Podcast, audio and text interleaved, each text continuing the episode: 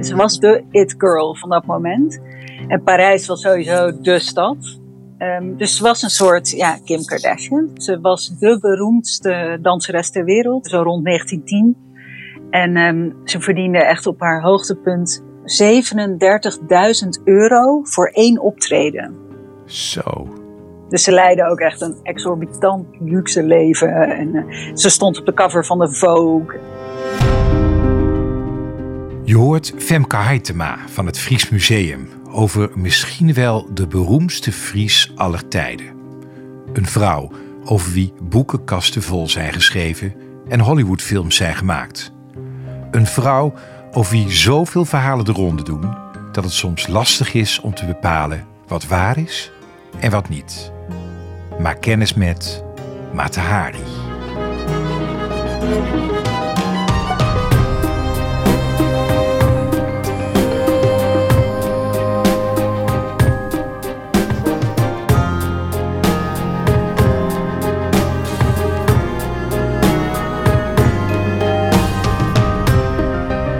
Luistert naar Topstukken, de podcast over de mooiste kunst en cultuur van Nederland. Mijn naam is Albert Verlinde.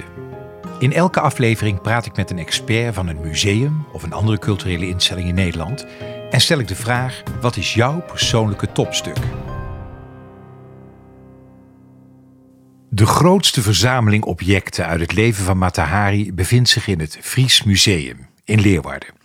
Al sinds haar dood, ruim 100 jaar geleden, wordt hier alles verzameld dat ons iets leert over deze mysterieuze vrouw.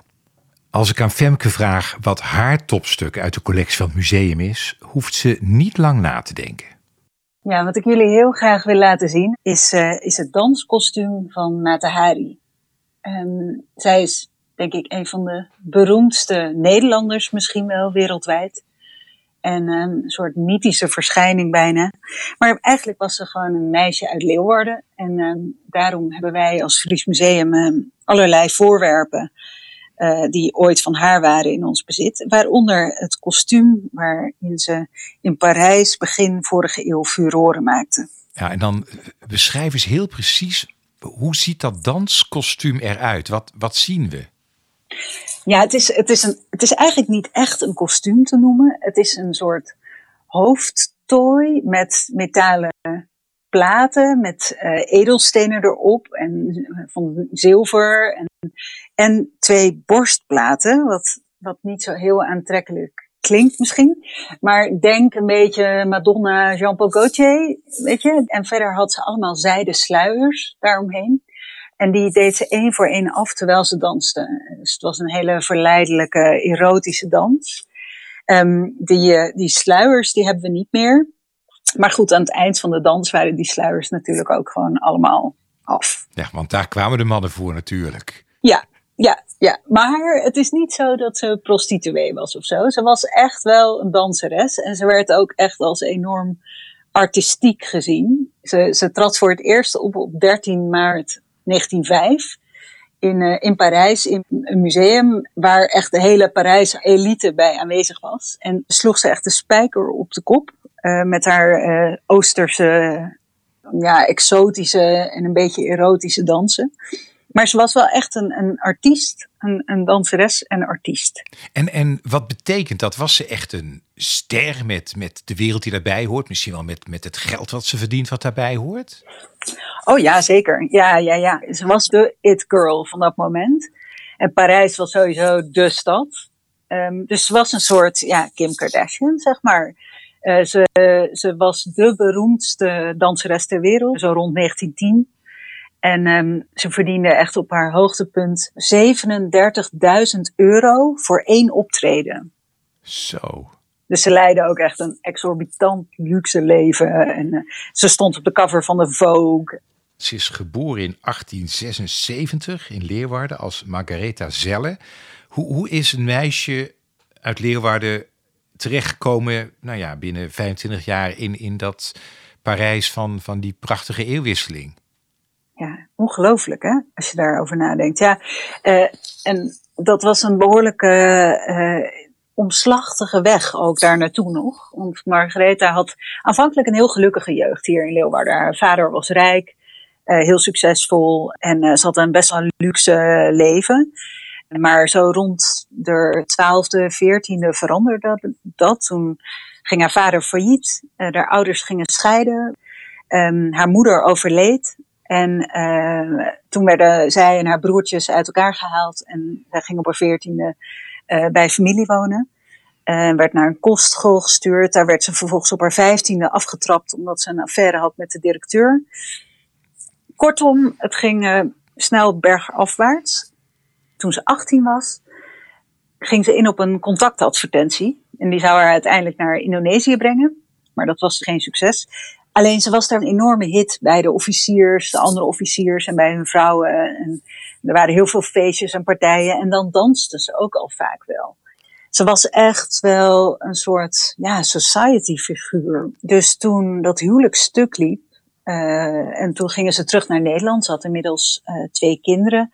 Uh, waarvan het zoontje overleed in Indië, maar ze had nog een dochtertje. Toen gingen ze scheiden. Die man was heel gewelddadig en dronk. En ze wilde heel graag voor haar dochter blijven zorgen. Alleen als vrouw, alleen begin 20e eeuw, kon je eigenlijk niet in je eigen onderhoud voorzien en voor een kind zorgen. Dus ze had niet zo heel veel keus. En omdat ze wel natuurlijk van een soort society leven hield en dat ook wel een beetje gewend was in Indië. En omdat Parijs gewoon de stad van dit moment was, dacht ze, ik ga mijn geluk proberen in Parijs.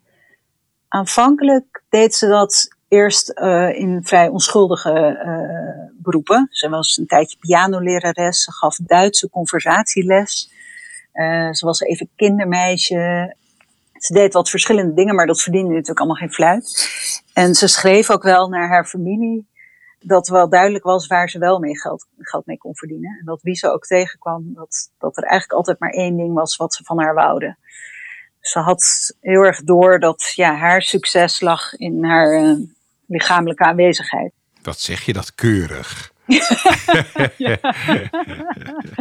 en en dan, wordt, dan wordt ze een wereldster. En wij kennen Mata Hari aan de ene kant om die dans. En ook dat prachtige danskostuum wat je zegt. Maar natuurlijk ook over, ja, met, met het drama. Want het loopt niet goed af. Nee, het loopt helemaal niet goed af met Meta Harry. Nee. nee, het gaat met haar carrière dus best wel heel goed. In, in 1905, bij haar allereerste optreden, is ze meteen een grote hit. En de kranten schrijven zelfs tot in Nederland over de enorme hit Meta Hari. En, uh, en dat ze misschien een, uh, een Indiaanse prinses is, of de dochter van een Schotse edelman. Of, nou, ze heeft allemaal hele spannende verhalen over zichzelf de wereld in geholpen meteen al. Nou, dat duurt best wel lang. Ze duurt, uh, dat duurt tot 1913 ongeveer, haar succes. Acht jaar lang leeft ze een luxe leven.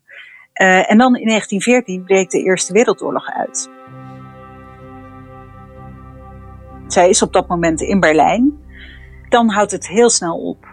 Alle theaters zijn gesloten, alle tours worden afgezegd en haar carrière is plotsklaps over. Maar zij is gewend aan haar luxe leven. De belangrijkste bron van inkomsten in die jaren zijn haar minnaars. Ze heeft verschillende minnaars, vaak verschillende tegelijk. Duitse, Franse, Britse, uh, Russische, alles eigenlijk naast elkaar. Veelal officieren. Ze schrijft ook ergens in een brief dat ze de voorkeur geeft aan officieren, dat ze gek is op de uniformen. En uh, dat ze liever een arme officier heeft dan een rijke bankier als minnaar. Maar ja, in de Eerste Wereldoorlog is dat natuurlijk niet heel erg handig. Om naar behoefte, haar luxe behoeften te voorzien, um, gaat ze, reist ze eigenlijk heel erg veel heen en weer. En wordt ze al vrij snel benaderd door de Duitse geheime dienst of zij niet als spion voor hen wil werken. En um, dat ja, lijkt haar eigenlijk meteen wel een goed idee. Ze krijgt ook meteen een codenaam, H21. Klinkt ook heel erg spion, spionachtig. En ze krijgt daarvoor een flink bedrag van 20.000 francs, uh, 50.000 euro ongeveer nu. En achteraf zegt ze dat ze dat alleen maar heeft aangenomen omdat in 1914 in Berlijn de Duitsers beslag hebben gelegd op al haar bontjassen en haar andere bezittingen. Dus ze ziet dit zelf als een soort wraak.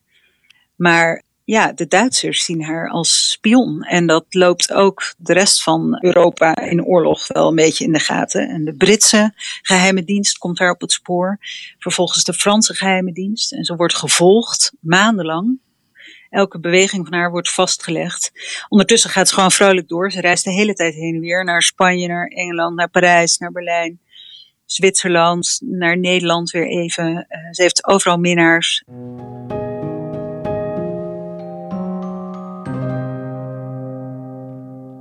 Wanneer valt dan voor haar het, het, het doek dat ze echt betrapt wordt? Dat gebeurt in februari van 1917. Zij is dan dus sinds mei 1916 in dienst van de Duitsers als spion. En ze vraagt dan een visum aan in Parijs om weer te mogen reizen. En dat visum vraagt ze aan bij de dienst waar ook de geheime dienst gevestigd is. En de hoofdinspecteur van politie, die uh, besluit dan een val voor haar te zetten. Dus zij gaan haar vervolgens dan inhuren. Ze vragen haar om voor de Fransen te gaan spioneren. En dan heeft ze een soort bestaan als dubbelspion, een paar maanden lang. Maar eigenlijk is het gewoon een val. Zowel de Britten als de Fransen geloven dat ze spioneert voor de Duitsers. Ze zoeken alleen nog bewijs. En ja, eigenlijk als een beetje als een kip zonder kop zegt ze overal op elk aanbod ja. Ze lijkt niet door te hebben hoe gevaarlijk het trein is waar ze zich op begeeft. En um, de val wordt gezet en in de winter van 16, 17 wordt ze verraden. In eh, februari wordt ze opgepakt in een hotel in Parijs. En dan wordt ze maandenlang verhoord. Na heel veel maanden geeft ze uiteindelijk ook toe dat ze in ieder geval geld heeft aangenomen van de Duitsers. En dan wordt ze gefusilleerd dan wordt er eigenlijk al heel snel een soort schuldig uh, vonnis geveld. Het is, als je, het is een ontzettend complexe zaak. En het is bijna niet bij te houden wat ze allemaal doet en voor wie en met wie ze contact heeft en waarom.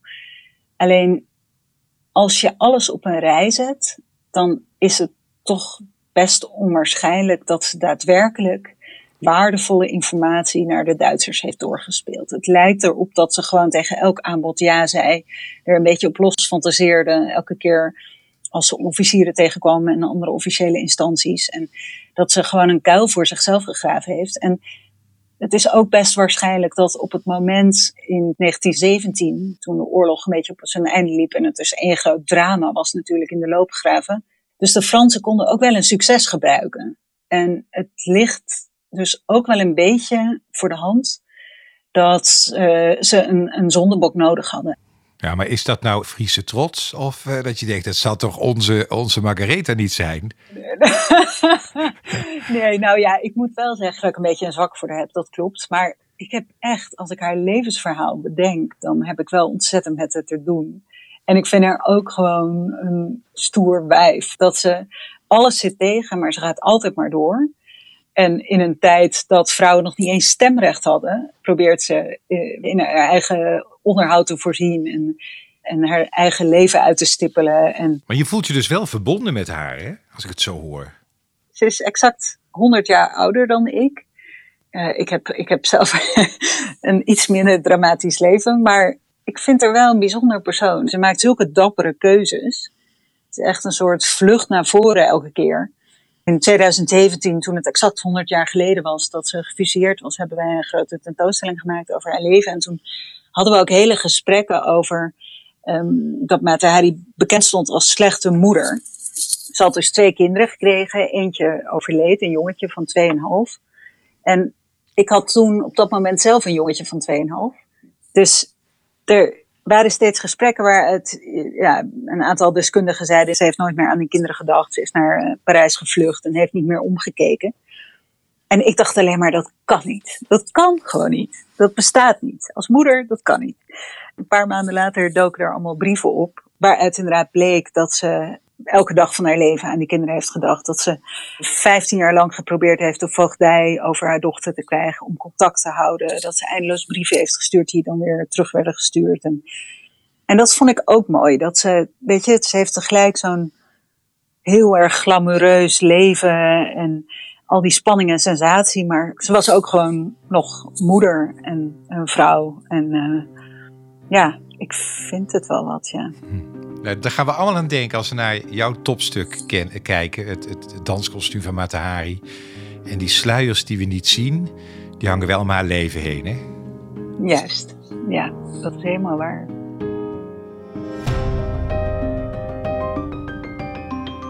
Je hoorde Femke Haitema van het Fries Museum over Matahari. Je luisterde naar topstukken aangeboden door de Vriendenloterij, de cultuurloterij van Nederland. Mijn naam is Albert Verlinde, ambassadeur van de Vriendenloterij. Ik ben er trots op dat wij cultuur steunen in heel Nederland, dankzij onze deelnemers. En als je meespeelt in de Vriendenloterij, ontvang je een VIP-kaart waarmee je korting krijgt op de leukste uitjes en gratis ruim 125 musea kunt bezoeken. Dus ook het Fries Museum in Leeuwarden. Benieuwd naar meer mooie verhalen? Abonneer je dan gratis op Topstukken in je favoriete podcast-app of ga naar topstukkendepodcast.nl.